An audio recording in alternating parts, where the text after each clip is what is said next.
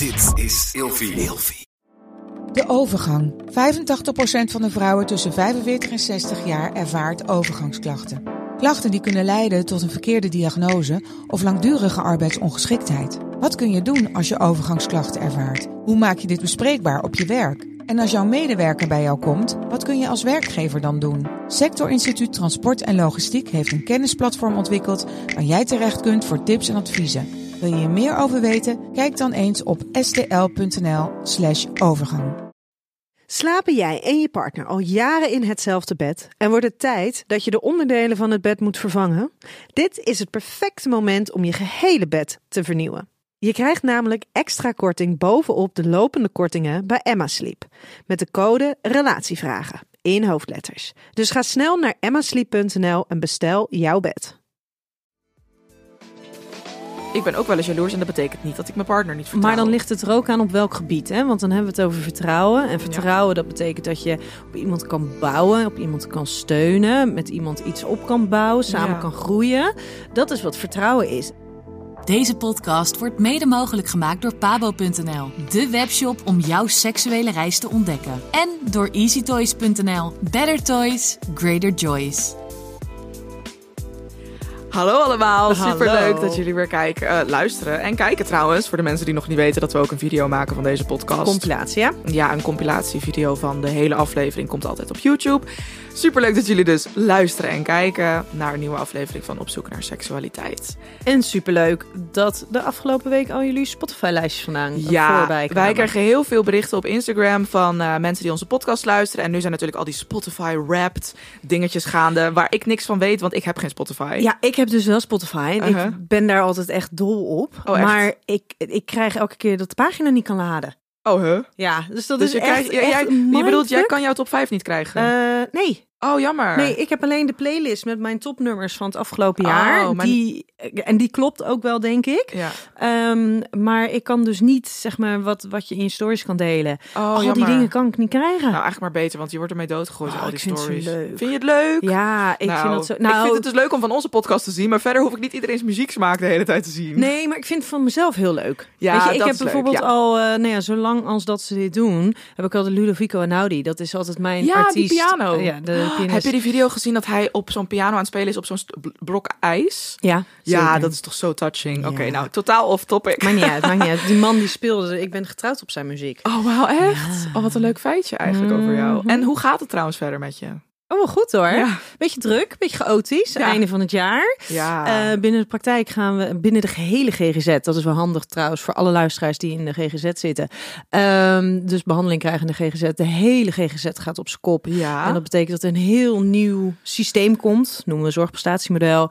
Maar dat gaat heel veel eh, werk kosten. ja, dat lijkt me ook. En uiteindelijk gaat het ons wat opleveren, dat het makkelijker wordt. Maar goed, dat eh, heeft, is even heel veel. Mhm. Ehm, en we krijgen een nieuwe eh, kantoor, want wij zitten natuurlijk nu met studio thuis. Ja, voor de mensen die kijken op YouTube, je ziet het. Dit is echt gewoon in het, basically in de huiskamer Ja. van Nienke. Ja, en dat is natuurlijk super fijn. Het is super fijn geweest, ook zeker in coronatijd, dat we hier lekker veel konden werken.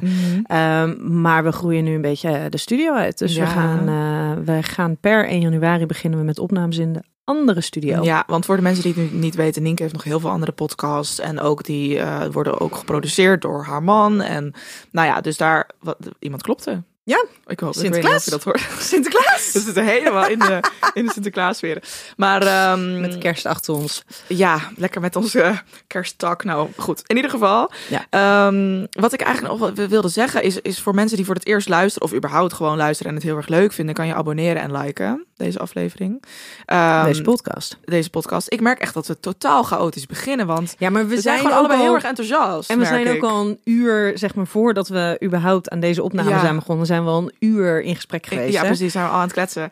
Maar wat, eh, eh, laat ik het onderwerp eens even aankondigen. Wat, is, wat een rommeltje is dit ineens. We gaan het deze Alsof het aflevering- altijd zo gestructureerd is. Nee, is ook zo. Ik vind Nee. het altijd wel leuk als het lekker rommelig is. Maar eh, deze aflevering gaan we het dus hebben over seks en jaloezie. Mhm. Daar komen we straks nog even op terug. We zitten weer lekker met z'n tweeën trouwens. Ja, het want- lijkt me wel handig dat we erop terugkomen als dat het thema van ja, maar ik heb nog een paar dingen die ik wil aanstippen. Die ik hier, hier heb om nog enigszins structuur te bewaren. Ehm, eh, nou ja, dus Dat, dat abonneren en liken. Een review achterlaten op Apple Podcast. Laten we dat niet vergeten, want we hebben het wel over Spotify. Ik denk wel dat de meeste mensen dus via Spotify luisteren. Mhm. Ehm, maar ik wil, dus, ik wil de luisteraar vooral gewoon bedanken voor het luisteren eigenlijk het afgelopen jaar. Ook al hebben we nog een paar afleveringen die komend jaar eh, on, online komen. Maar dan is het daarna wel het einde van het seizoen. We gaan zeg maar richting het einde van het seizoen. Überhaupt het einde van het jaar. Het einde van het jaar, het einde van het seizoen. Het seizoen gaat nog wel iets langer door. Tot in januari, geloof Mhm. ik. En daarna is, hebben we seizoen 2 zeg maar afgerond. En daarna komen we, hebben we wilde plannen voor seizoen 3. Dus dat is Mhm. alvast een tipje van de sluier. Maar daar gaan we het later nog wel even over hebben. Wat we daar eh, allemaal in gaan doen. Allereerst, jij zei het net al even over de GGZ. Ehm, ja, wat is er nou zo grappig? Nou, ik zie jou gewoon soort van jouw hele lijstje afwerken. Hmm. Of er nog dingen zijn die we gemist hebben. Ja, dat helpt me wel een ja, beetje. een beetje structuur. Ja, precies. Oké, gaan we Ehm, goed. Maar over de GGZ. Ja, want weet je, vanaf het begin dat wij samen deze podcast maken, Mhm. eh, krijg ik eigenlijk al de vraag van volgers van... Hey Linda, kan jij nou eens aan Nienke vragen hoe je nou eigenlijk seksuoloog wordt of relatietherapeut? Wat voor traject of wat voor proces ga je dan door? Ik, ik, vind het, ik ben zelf ook wel benieuwd, want Ja. ik, eh, volgens mij, wat ik weet, wat ik denk, is dat het gewoon heel lang duurt. Dat je heel lang moet studeren. Nou ja, en dat is wel, dat vind ik altijd wel aan de ene kant ook wel jammer, want ik krijg die vraag denk ik ook wel wekelijks en dan Ja. van hele enthousiaste mensen die zeggen, oh ik wil zo graag en ik doe nu dit en ik wil zo graag dat en ik wil nog graag die seksologie en die relaties in, want ik vind het zo interessant. Ehm, maar de meesten komen toch een beetje van de koude kermis terug op het moment dat ze horen wat ze daarvoor moeten doen. Ehm, ik ben zelf, ben ik, heb ik zeg maar zo'n tien jaar aan opleidingen gevolgd. Ja. En als je het hebt over die seksologie, eh seksuoloog zijn is in principe geen rechts, eh, ge- eh, beschermde titel. Mhm. Dus iedereen die iets doet met seks kan zichzelf seksuoloog Oh, echt? Ja, en dat is natuurlijk best wel een beetje spannend, want er zijn dus heel veel mensen die ze- zichzelf seksuoloog no- noemen, maar helemaal geen opleidingen hebben gehad. Nee, ik hoor zelfs ook wel eens, mensen denken ook wel eens dat ik seksuoloog ben. Ja, en dat is natuurlijk best een soort. En in principe, nou ja, heb je dus de vrijheid om die titel te dragen. Ja, maar doe niet Eh, hoor. maar dat is natuurlijk eigenlijk niet helemaal hoe het werkt. En dan is er vanuit de Nederlandse verenig- eh, Wetenschappelijke Vereniging voor Seksologie, dus de NVVS, dat is zeg maar de beroepsvereniging. En vanuit daar worden opleidingen georganiseerd met leertherapieën, eh, Mhm. supervisies, intervisies. Alleen wil jij aan die opleidingen gaan deelnemen, dan. ja, ehm, even heel praktisch, wat heb jij ik heb, nou ja, ik heb eerst eh bachelor psychologie gedaan, toen klinische, eh, klinische gezondheidspsychologie. Toen heb ik systeemtherapie gedaan. Systeemtherapie, Mhm. dat is de opleiding die jou leert om met meer dan één individu therapie te voeren. Oh, wow. Eh, meer dan één individu, als in een Ja. groepstherapie. Of een groep, of een systeem, een Oh, stijl. In ja. ieder geval dat je te maken hebt met meer dan één persoon. Ja, ja, ja. Ehm, vervolgens de seksologie opleiding. ja. Ehm, maar daarnaast heb ik altijd ehm, dingen gedaan, werk gedaan, allerlei congressen gevolgd, zonder dat het altijd hoefde over seksologie. Het moet bijna een soort, het moet echt onderdeel worden van je leven, denk ik wel. Ja, en wat je heel veel ziet is dat er zijn, je, je kan dus ook alleen die seksologieopleiding gaan doen als jij je BIG-registratie hebt. En dat is Mhm. best een, nou ja, een, een ding wat ingewikkeld is. Ehm, maar daarvoor, om die te krijgen, moet je eerst een opleiding doen van twee tot vier jaar. Of je moet al arts zijn. Mm. Dat is even heel zwart-wit. Ja. Maar je kan dus niet, het is niet zo dat je dus als je, als je 16, 17 bent en je denkt ik wil seksuoloog worden, ik ga even een opleiding van twee, drie Nee, jaar nee, doen nee, en dan ben je er. Ehm, ik denk dat het heel belangrijk is dat iedereen die hier iets wil doen, ehm, dat je daar dus echt heel veel tijd en aandacht aan gaat besteden, zoveel mogelijk als dat je kan, en dat je je eigen weg daarin gaat vinden. Ja. Want er, eh, weet je, want er zijn heel veel, bijvoorbeeld artsen, bijvoorbeeld gynaecologen, die ehm, of oncologen, en die hebben dus als, als hoofdberoep dat ze oncoloog zijn of dat ze gynaecoloog zijn. Mhm. Eh, en daarnaast zijn ze seksuoloog. ja. Maar die zijn dus niet dag en nacht bezig met die seksuologie. Nee. Het is iets en- wat ze hebben erbij al een doen. medische achtergrond, dus is het dan voor hun ook makkelijker om überhaupt seksologie daar nog bij te doen? Nou ja, de, de, de, de opleiding wordt er niet minder makkelijk op. Maar zij hebben in ieder geval, doordat ze die BIG-registratie hebben, doordat ze arts zijn, ja. dat ze in ieder geval toegelaten worden op de, op de opleiding. Ja, precies. Dat Ja. is uh, dan al belangrijk. Ja. Ja. Ja, Want hoe ik het zelf bijvoorbeeld heb, dat kan natuurlijk ook. Want ik ben wel heel van... Mijn vader zegt ook altijd voor de grap... Oh Linda, wil je niet dan seksuoloog worden? Maar volgens mij heeft hij ook geen idee hoeveel jaren ik dan nog zou moeten gaan studeren. Want ik heb überhaupt... Ik heb een bachelor, maar totaal niet in die richting. Dus, ehm, maar ik heb het dan gewoon gedaan door heel veel zelfstudie. Heel veel gesprekken met seksuologen ook.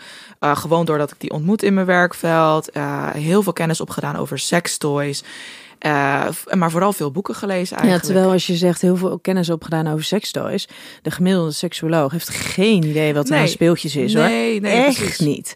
Dus er zijn zoveel verschillende aspecten denk ik van seksualiteit. En uh, ik denk dat ik er zelf echt ook heel veel over weet. En misschien soms wel eens een gemiddelde seksuoloog ook nog wel eens wat kan bijbrengen. Maar dat komt meer denk ik doordat ik ook heel erg in een soort uh, trendgolf zit van ja, ik weet niet. Ik zie seksualiteit soms ook nog wel eens een beetje als een soort trend van wat er gewoon nu gaande is rondom dat. En daar, daar ben ik wel redelijk van op de hoogte. En misschien een gemiddelde seksuoloog niet. I don't know. Nee, ja, maar als je bijvoorbeeld hebt bijvoorbeeld over polygamie of uh, ja, dat soort relaties. Dingen. Er zijn heel veel seksuologen die daar helemaal niet mee in nee. aanraking komen. En daarbij is het ook onwijs belangrijk om te weten dat niet elke relatietherapeut is seksuoloog. Sterker nog, vraag me niet hoe. Maar er zijn heel veel relatietherapeuten die hebben nog nooit over seks gesproken. Nee, wat gek. Ja, en die hebben echt niet zeg maar de, de, de theoretische kennis en kunde om daar dan daadwerkelijk mee aan de slag te gaan. Mm -hmm. En tegelijkertijd zijn er heel veel seksuologen die geen idee hebben wat ze met de dynamiek van een relatie aan moeten. Want nee. als jij dus seksuoloog bent, maar je bent oncoloog, dus hè, ja, oncoloog, ja.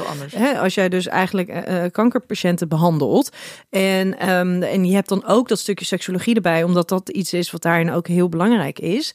Um, ja, dan heb je nog niet de vaardigheden om met de hele complexiteit van zo'n relatie om te gaan. Nee, dus eigenlijk heel ideaal dat jij het allebei bent. Nou ja, ik ben heel bewust allebei geworden, worden, ja. omdat ik het zo bizar vond dat dat dus niet als vanzelfsprekend nee, is dat dat samenkomt. Inderdaad. Wat cool zeg. Nou, ik, ik wou dat toch even weten, want dan hebben we met z'n allen ook gewoon even wat meer achtergrond over jou en ook een beetje over mij, hoe ik naar al, aan al mijn kennis mm -hmm. kom eigenlijk.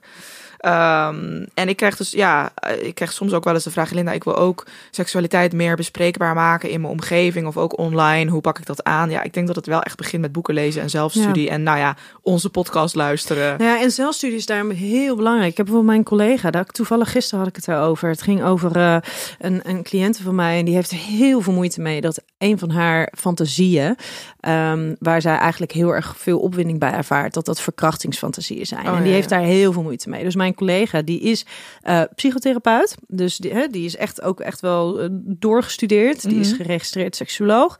En die vroeg dus aan mij van, goh, maar wat vertel jij haar dan? Hè? Ja. Wat geef je dan zo'n cliënt mee? Dus dat gaf ik dus aan. Alleen die informatie, ik ben natuurlijk nu ook bezig met, uh, uh, met boek over schaamte. Nou, een van de ja. dingen die daar ook in voorkomt is schaamte over fantasieën. Dus ik ben me daar best wel wat aan het verdiepen en over aan het lezen.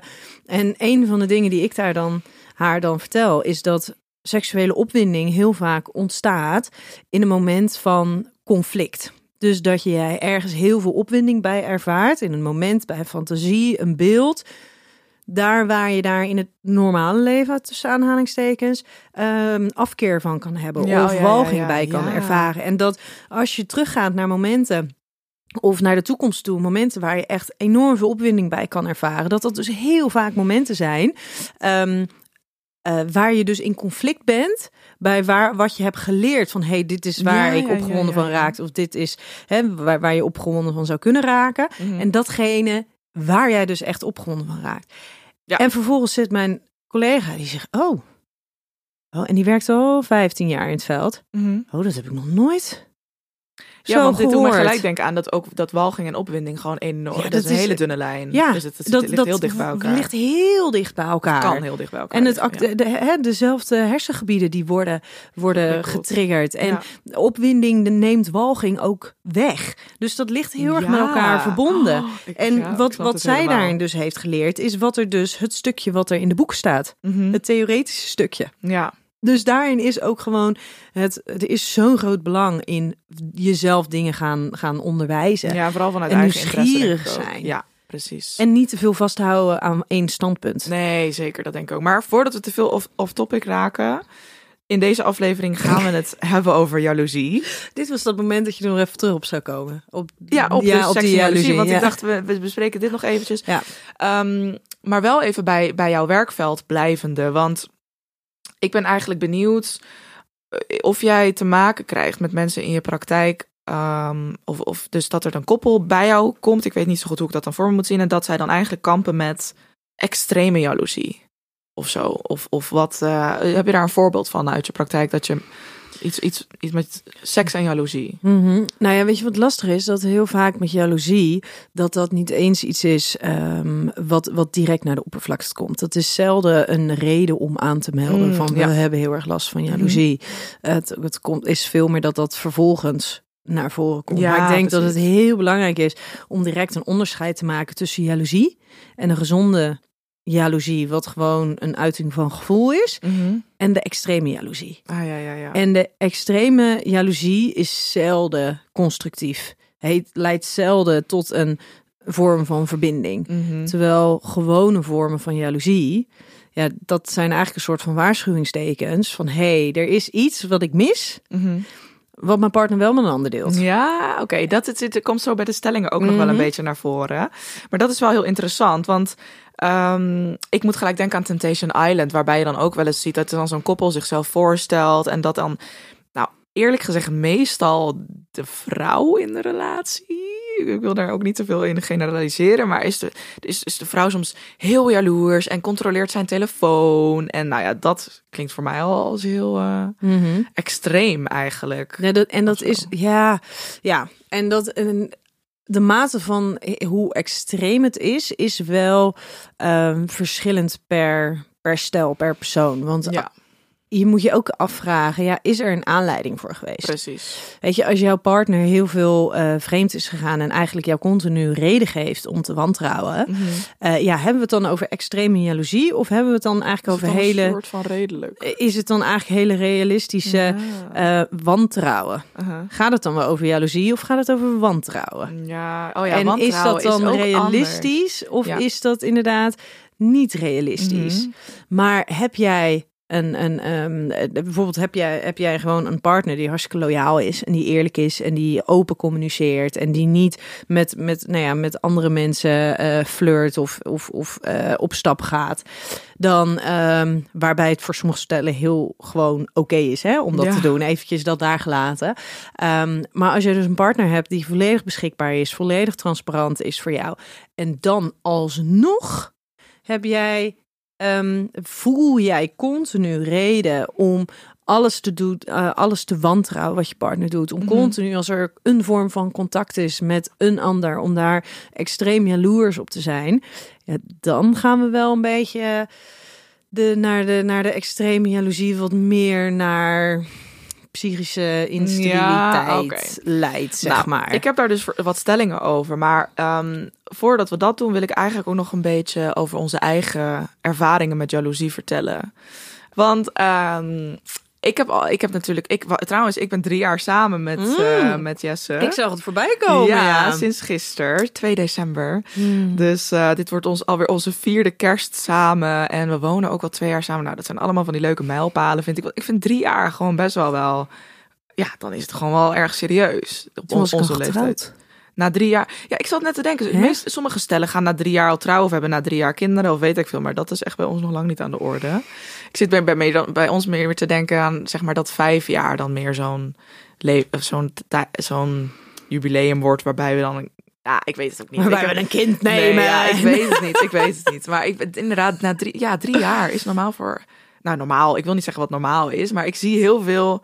Ik vind het best snel hoor. Jawel? Ja. Oh, ja. Oh, grappig. Nou ja, in ieder geval, dat is, dat is in ieder geval mijn relatie. En ik heb altijd geroepen dat. ehm, Sowieso dat ik niet een relatie zou willen. En dat ik, als ik het zou willen, dat ik dan een open relatie zou willen. En dan, eh, dan zou ik niet jaloers zijn. Want jaloezie, dat ken ik niet. En eh, nou ja, nou, natuurlijk kom ik daar wel op, op terug. En heb ik heus wel eens jaloezie gekend.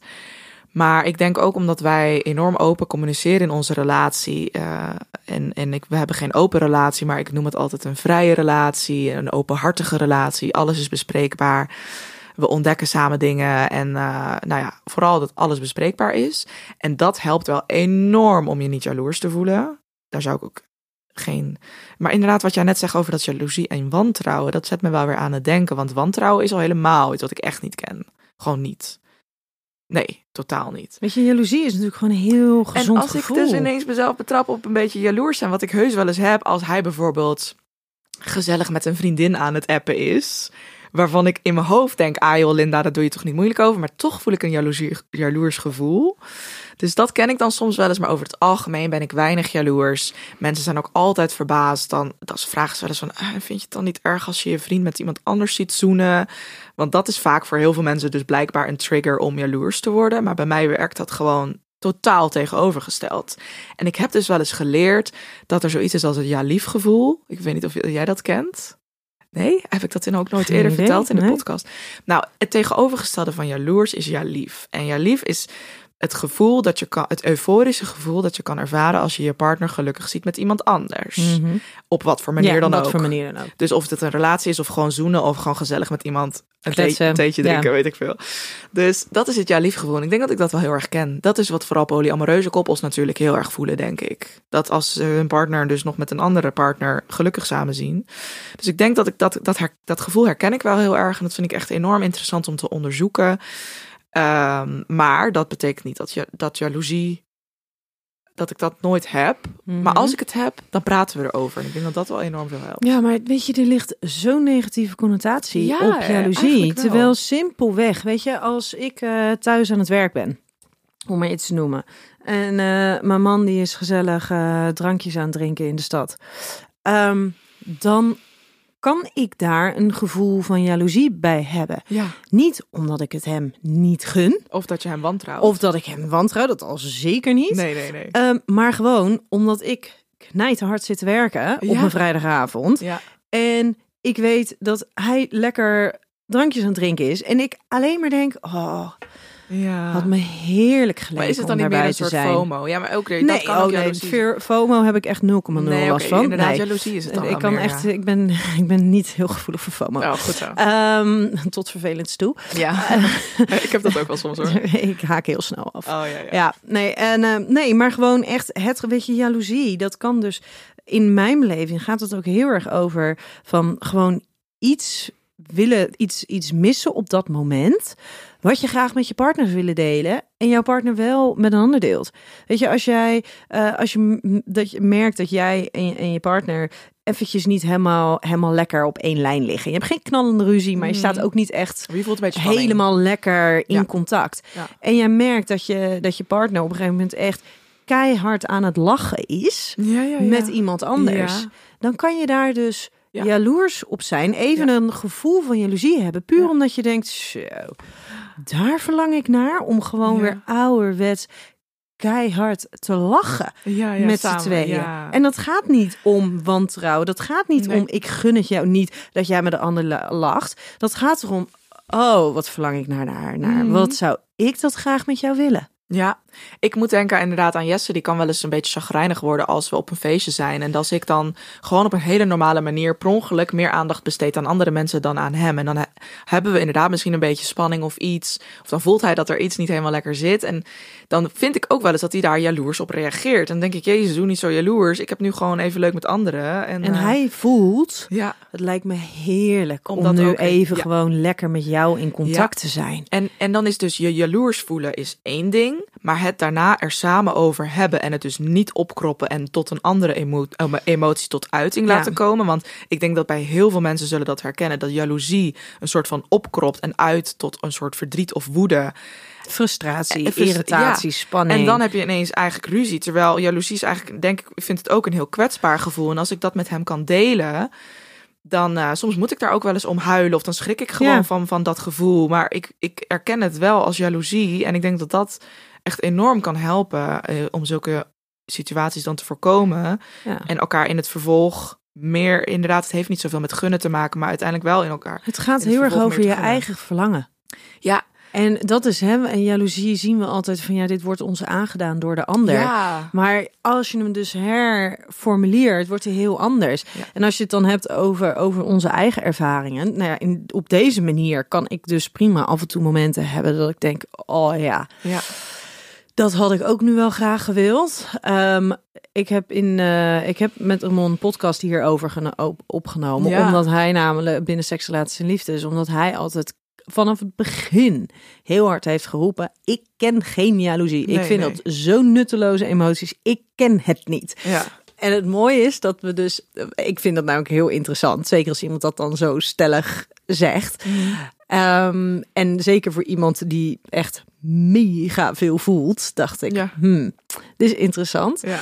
En sinds dat we dat gesprek dus hebben gehad en dingen anders hebben geformuleerd, is hij er dus ook wel achter dat hij soms wel dingen voelt, maar dat nooit heeft ge- ge- gelabeld als jaloezie. Ja. Dus dan wel een oncomfortabel gevoel ervaren, maar nooit bedacht hebben, oh, dat is dus... Of misschien altijd hebben gedacht, ja, maar dat is iets negatiefs, dat mag ik niet voelen. Dat kan nou, ook hij mag, hij mag ook wel heel, hij mag ook wel negatieve gevoelens hebben hoor, Oh, van zichzelf. ja, dus ik denk niet dat dat, maar dat kan ook absoluut zijn. Ja, interessant zeg. Ja. En ehm, nou, laten we maar doorgaan naar de stelling, want dan komen we hier vanzelf ook nog wel meer op. Ehm, en ik denk dat we het al een beetje hebben benoemd. Maar ehm, het, het is hartstikke gezond om af en toe jaloers te zijn in een relatie. Nou, dat hebben we natuurlijk net eigenlijk allemaal een beetje gezegd. Maar het is ook niet zo dat je relatie niet ja, gezond is als je nooit jaloezie ja, want ik kan hem inderdaad ook omdraaien. Als je jaloers bent, zit er iets niet goed. Nee, maar dat is dus absoluut niet zo. Nee, ik denk dat we dat inderdaad, dat wilde ik eigenlijk als een soort boodschap meegeven in deze aflevering. Dat dat, want ik, ja, ik heb echt een super gezonde relatie. En juist misschien wel door jaloezie maakt dat het extra gezond. Tuurlijk is het moeilijk om te zeggen wat is, wel, wat is een gezonde relatie en wat niet. Wat is eigenlijk een gezonde relatie? Ja, wat dat niet? is Daar te ingewikkeld nu- om nu even Misschien in moeten twee we daar woorden ook te nog eens zeggen. een aflevering Ja. over maken over gezonde relaties. Over In ieder geval eentje waar gelijkwaardigheid is. Ik, vind, ik schrijf dit gelijk op. We gaan het hebben over toxic, toxic relations. Dat is echt een mooie om. Nee, maar ik denk dat en eh, als er dus eh, sprake is van jaloezie, dat het gewoon belangrijk is om te kijken van hé, hey, maar wat doe je dus met die jaloezie? En eh, laat je, je- voel je dan dat je gekwetst wordt? Voel je dan dat je afgewezen wordt? Voel je dan enorme teleurstelling? Of kan je het als voelen als hé, hey, dit is dus een stukje gemis wat ik voel. Ik voel nu dat Mhm. verlangen, ik voel de behoefte Ja. aan. En dat je hem dus als warning sign kan zien Ja.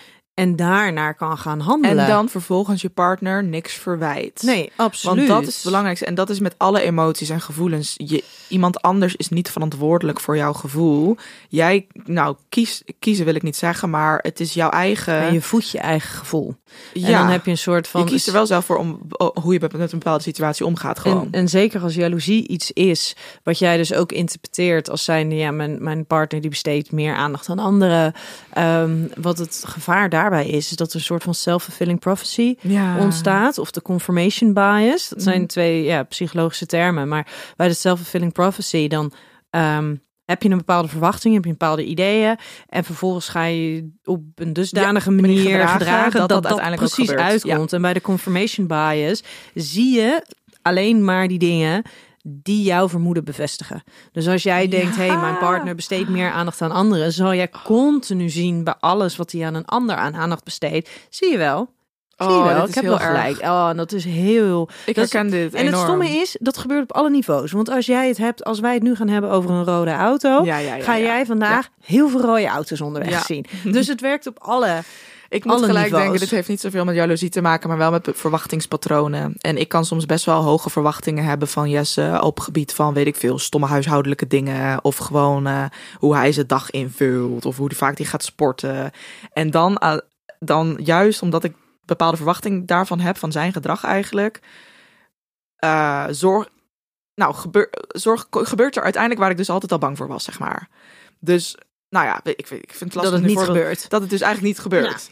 En Puur dat je dan ook zo nog erg kan denken, zie je wel. Ja, dan denk ik dus Zie je precies, wel. zie je wel. Ik zei het toch, En dan ik voel ik me toch? zo'n verschrikkelijke girlfriend. Nou, dat vind ik Ja, dus echt nou, heel dat erg. ben je dan op die momenten ja, soms ook. inderdaad. En dan, en dan ben ik me dus wel heel bewust dat dat komt door mijn eigen verwachtingspatroon. Ja. Dat is wel een grote stap, vind ik, die ik heb gezet. Maar alsnog zorgt het soms voor onhandige situaties. Maar op gebied van jaloezie, wat ik bij mezelf heel erg merk, als je dat al bij jezelf kan erkennen dat het jaloezie is. En dan En dat ik het er mag zijn. en dat het er mag zijn, want ik moet gelijk ook al terugdenken aan eh, als tiener vriendschappen. Ik had altijd twee beste vriendinnen. We waren altijd met z'n drieën. Nou ja, dan krijg je altijd gezeik. Want dan is, valt er altijd wel één keer iemand buiten de boot. En dan voelde ik me inderdaad wel eens jaloers van... oh, waarom spreken zij zo vaak met elkaar af? Ja, toen had ik het al. Maar toen kon ik het nog niet benoemen als... oh, ik ben nu jaloers. Je voelt je buitengesloten. Ja, dan. buitengesloten inderdaad. Ehm, ja, en er zijn ook momenten dat ik me wel ergens jaloers over voel... en dan weer niet. En nou ja, goed. De volgende stelling. En het kan ook heel goed zijn dat je het ene moment wel ergens jaloers over bent. En in Ja. dezelfde situatie Ja. op een ander moment totaal niet. Maar dat heeft ook een beetje met je eigen incasseringsvermogen te maken. Plus, stel, eh, jij hebt net een week vakantie gehad met je partner. En je bent dus eigenlijk helemaal verzadigd Ja, ja, in, ja. in aandacht, Aandacht, en, en, en liefde en erkenning. Dan is het voor heel veel mensen is het veel makkelijker om te zeggen: Goh, lieve schat, ga jij Ga lekker, eh, een avondje Ja, uit. ja, dus ja. helemaal prima. Terwijl als je elkaar al heel de week niet hebt gezien. Mhm. En dan in het weekend zegt je partner ook nog eens: van Goh, ik ga vanavond even op stap.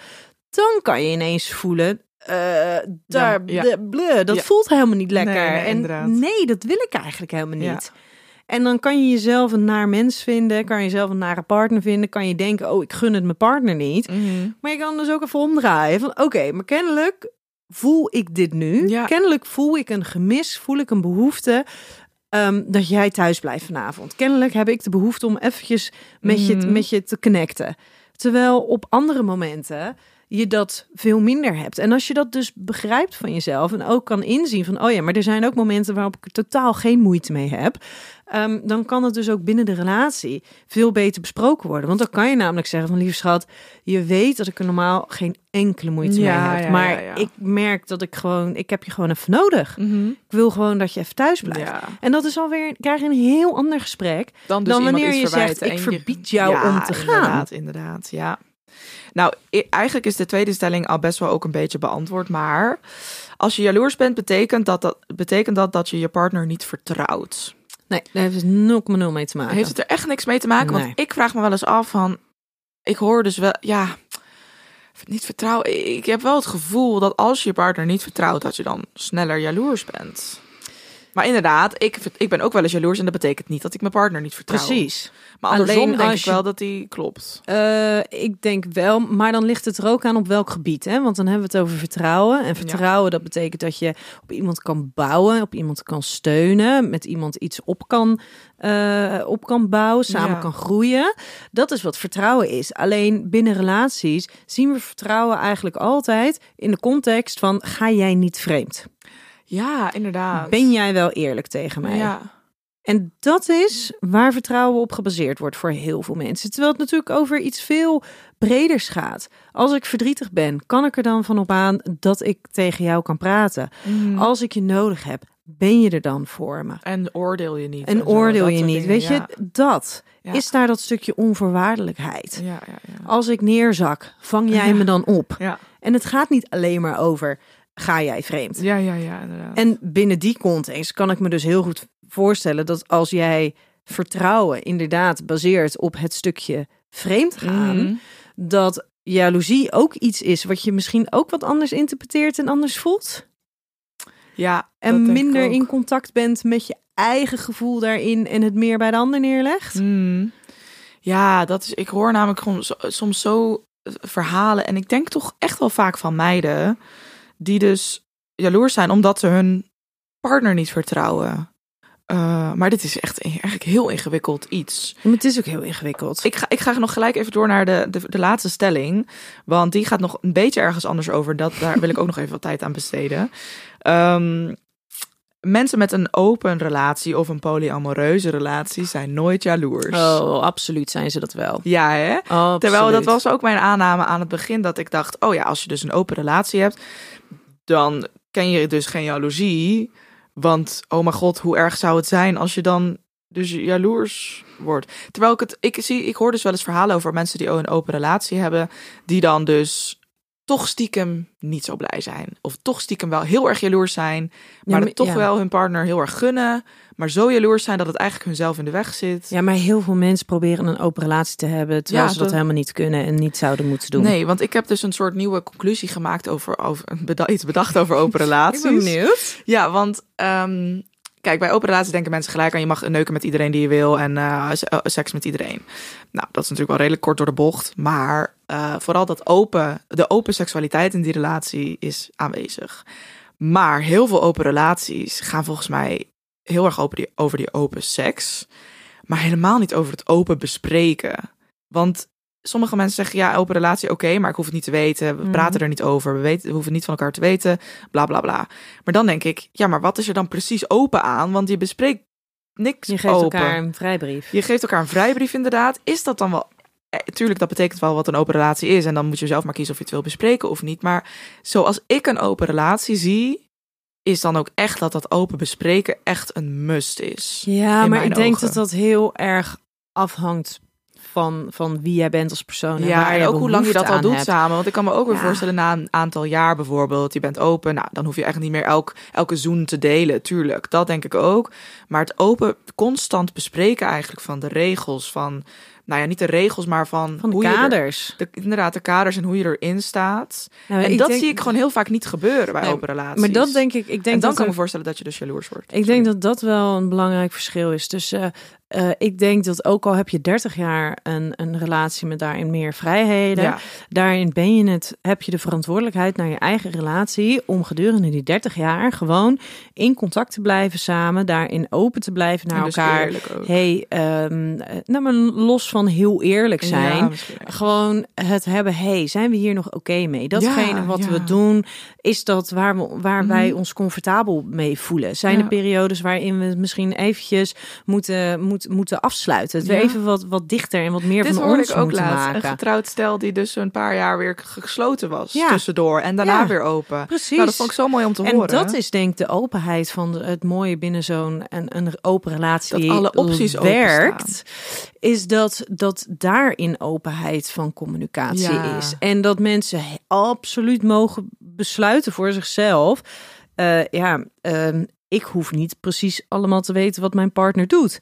Maar op het moment dat ik me ergens oncomfortabel Ja. bij voel, of mijn partner voelt zich oncomfortabel, dan moet het als vanzelfsprekend zijn dat we dan met elkaar communiceren. Ja, maar ik, ben, ik heb het gevoel dat ik op een, op een missie ga waar eh, het woord open relaties gewoon even een nieuwe de- betekenis moet krijgen. Ja, en ik denk Want- ook dat er sowieso een beetje te makkelijk mee gestrooid wordt. Ja, misschien denk je dat? Want daarom ben ik de, die, ik ben juist daarom heel voorzichtig om mijn relatie een open relatie te noemen, omdat ik niet dat helemaal de lading vind dekken en bedenk ik gewoon mijn eigen woorden voor en dat is ja, maar vrije dat is relatie. gewoon, ja, of een Maar als- ja. Maar heel veel mensen zien onze relatie wel als een open relatie.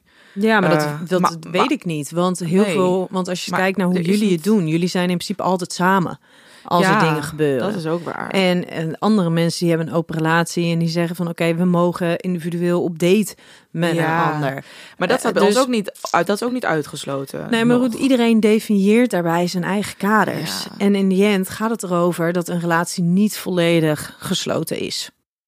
Alleen Precies. vervolgens bedenkt men daar een woord voor. Ja. En dat wordt een soort van het tegenovergestelde van. Namelijk, oké, het is dus geen gesloten relatie. Mhm. Dus is het een open relatie. Ja, maar en dat het- we dekt de lading heel vaak helemaal nee, niet. daarom, dat hebben wij dus ook. En dan zeg ik maar vrije relatie, of in ieder geval. Want ja, dus de vraag is gewoon standaard: oh, hebben jullie dan een open relatie? En dan zeg ik nee, maar dan moet je weer zoveel gaan uitleggen. Nou ja, of niet. Of je zegt Nee. gewoon, nou ja, we hebben gewoon een relatie waarin wel wat Ja. vrijheden zijn. We hebben gewoon een relatie, En, punt. ja, En, en, en we kleuren af en toe een beetje de buiten de lijntjes als dat goed Ja. voelt. Ja, en het is altijd een, een gesprek. Ja. Het blijft altijd een open gesprek en, een, en alle opties staan open. Maar En- ook dan, hè, jullie zitten eh, eh, nog heel erg zeg maar in een proces van kijken, hey, Zoeken. hoe, hoe en waar en wanneer Ja. dan in welke vorm. En Ja. als je het dan hebt over jaloezie, nou, ik denk dat als jaloezie juist in dat proces een hele ge- gezonde emotie Ja. is. Want je gaat er situaties komen waarvan je denkt, shit, oké, eh, Mhm. mijn partner doet dat wel met die, die doet wel die moeite voor die, die gaat wel die situatie in met een Mhm. ander. Maar dat zou ik ook wel eigenlijk heel graag willen. Daar verlang ik ook wel naar. En daarin is, denk jaloezie ook weer zo'n mooi waarschuwingsteken. Dat je kan zeggen, hé hey, lieve schat, hartstikke leuk en aardig. Mhm. Maar eh, dit, dit voelt niet helemaal lekker voor mij. Dat je het Ja. wel met, met, met de ander doet en niet met mij. Ja. En daarin is zo'n. En daarin moet je dus ook heel goed kunnen communiceren. En Ja. moet de basis goed zijn. Omdat het een trial and error is. Het is, je, je gaat je teen stoten. Mhm. En af en toe ga je tyfus hard onderuit. Ja, ja, ja. Maar dat moet je vervolgens kunnen incasseren. Ja, en ook weten dat dat dus geen dealbreaker is. Want Nee. het is ook wel dat je een beetje afspreekt van ja, maar als er dan toch ineens jaloers, jaloerse gevoelens komen en iemand is het er niet mee eens, betekent dat niet dat het het einde is van onze relatie. Nee, het is veel interessanter om te kijken Ja. van oké, maar wat, wat is het dan? Waar is dat verlangen daarnaar? Wat is dat gemis? En als je het hebt over polyamorie, ja, polyamorie, dat is natuurlijk echt het aangaan van relaties met meerdere mensen. Ja. En dat zijn over het algemeen zijn dat gelijkwaardige eh liefdesrelatie. En er is transparantie. Ehm, en, en daarin mag je absoluut ook wel jaloers zijn. Als jij ziet dat jouw partner met een andere partner dingen onderneemt, leuke Ja, activiteiten eh, ja. doet, terwijl jullie daar niet aan toekomen, omdat jullie eh, de verantwoordelijkheden Of- van kinderen hebben of, Oh, of, ja. of een huishouden hebben, ja, dan, dan mag je daar af en toe best wel eens jaloers over zijn. Mhm. Of als je, om het even op seks te betrekken, dus eh, zelf met een bepaalde partner niet zo'n heel wild seksleven hebt, maar dat je ziet dat je partner dat met iemand anders wel heel erg heeft. Ik kan me best wel voorstellen dat dat heel lastig is. Ja, En dat is wel het laatste wat ik erover wil zeggen. Of trouwens, ik merk dat we hier dat dit helemaal een onderwerp is wat ons heel erg goed ligt. Dat dit echt iets is waar we. Tenminste, ik word hier altijd heel erg Mhm. enthousiast van om hierover te praten. En vooral ook om andere meiden of mensen hierover te educaten. En als in dat jaloezie eigenlijk. Wat is nou eigenlijk de conclusie? Jaloezie is helemaal niet zo erg gevoel. Nee, jaloezie is gewoon een gevoel. Net zo goed als dat je verdriet een gevoel is of Ja, boosheid en je kan er niks aan doen. is. Het is helemaal niet erg als je het voelt, maar als je het maar bespreekbaar kan maken, denk ik, binnen je relatie. Nou ja, in ieder geval voor jezelf, dat je het dus een beetje gaat herformuleren. En dat je niet inderdaad denkt, oh, mijn relatie is niet oké, of er Mhm. is iets met mij.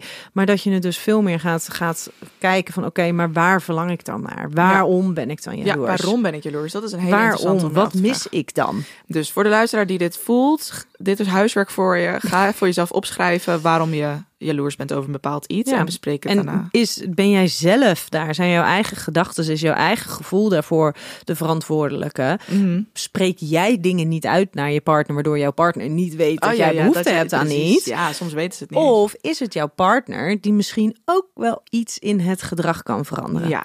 Want als jouw partner drie avonden in de week, nou ja, nu is natuurlijk alles Ja, een beetje moeilijk in de avond, inderdaad. maar als je merkt dat jouw partner drie avonden in de week op stap gaat of nog eventjes een koffietje gaat drinken of nog even erop Ja, uitgaat ja, met een eh, van, zijn, van zijn vrienden, vriendinnen, collega's, ja, dan kan het gedrag van je partner kan ook wel wat worden aangepast. Oké, goed. Sorry, ik kap je hier af, want eh, we, zitten al, eh, we zijn al lekker lang bezig. Hey, ehm, nou, over twee weken zijn we er gewoon weer. Ja, heel, doen we erg, gewoon. heel erg bedankt voor het luisteren en tot de volgende keer. Doei! Doei! Met de code Relatievragen in hoofdletters krijg je 10% korting bovenop de 50% korting die je nu krijgt op het bed dat ik bijvoorbeeld heb. Dus ga snel naar emmasleep.nl en bestel jouw bed.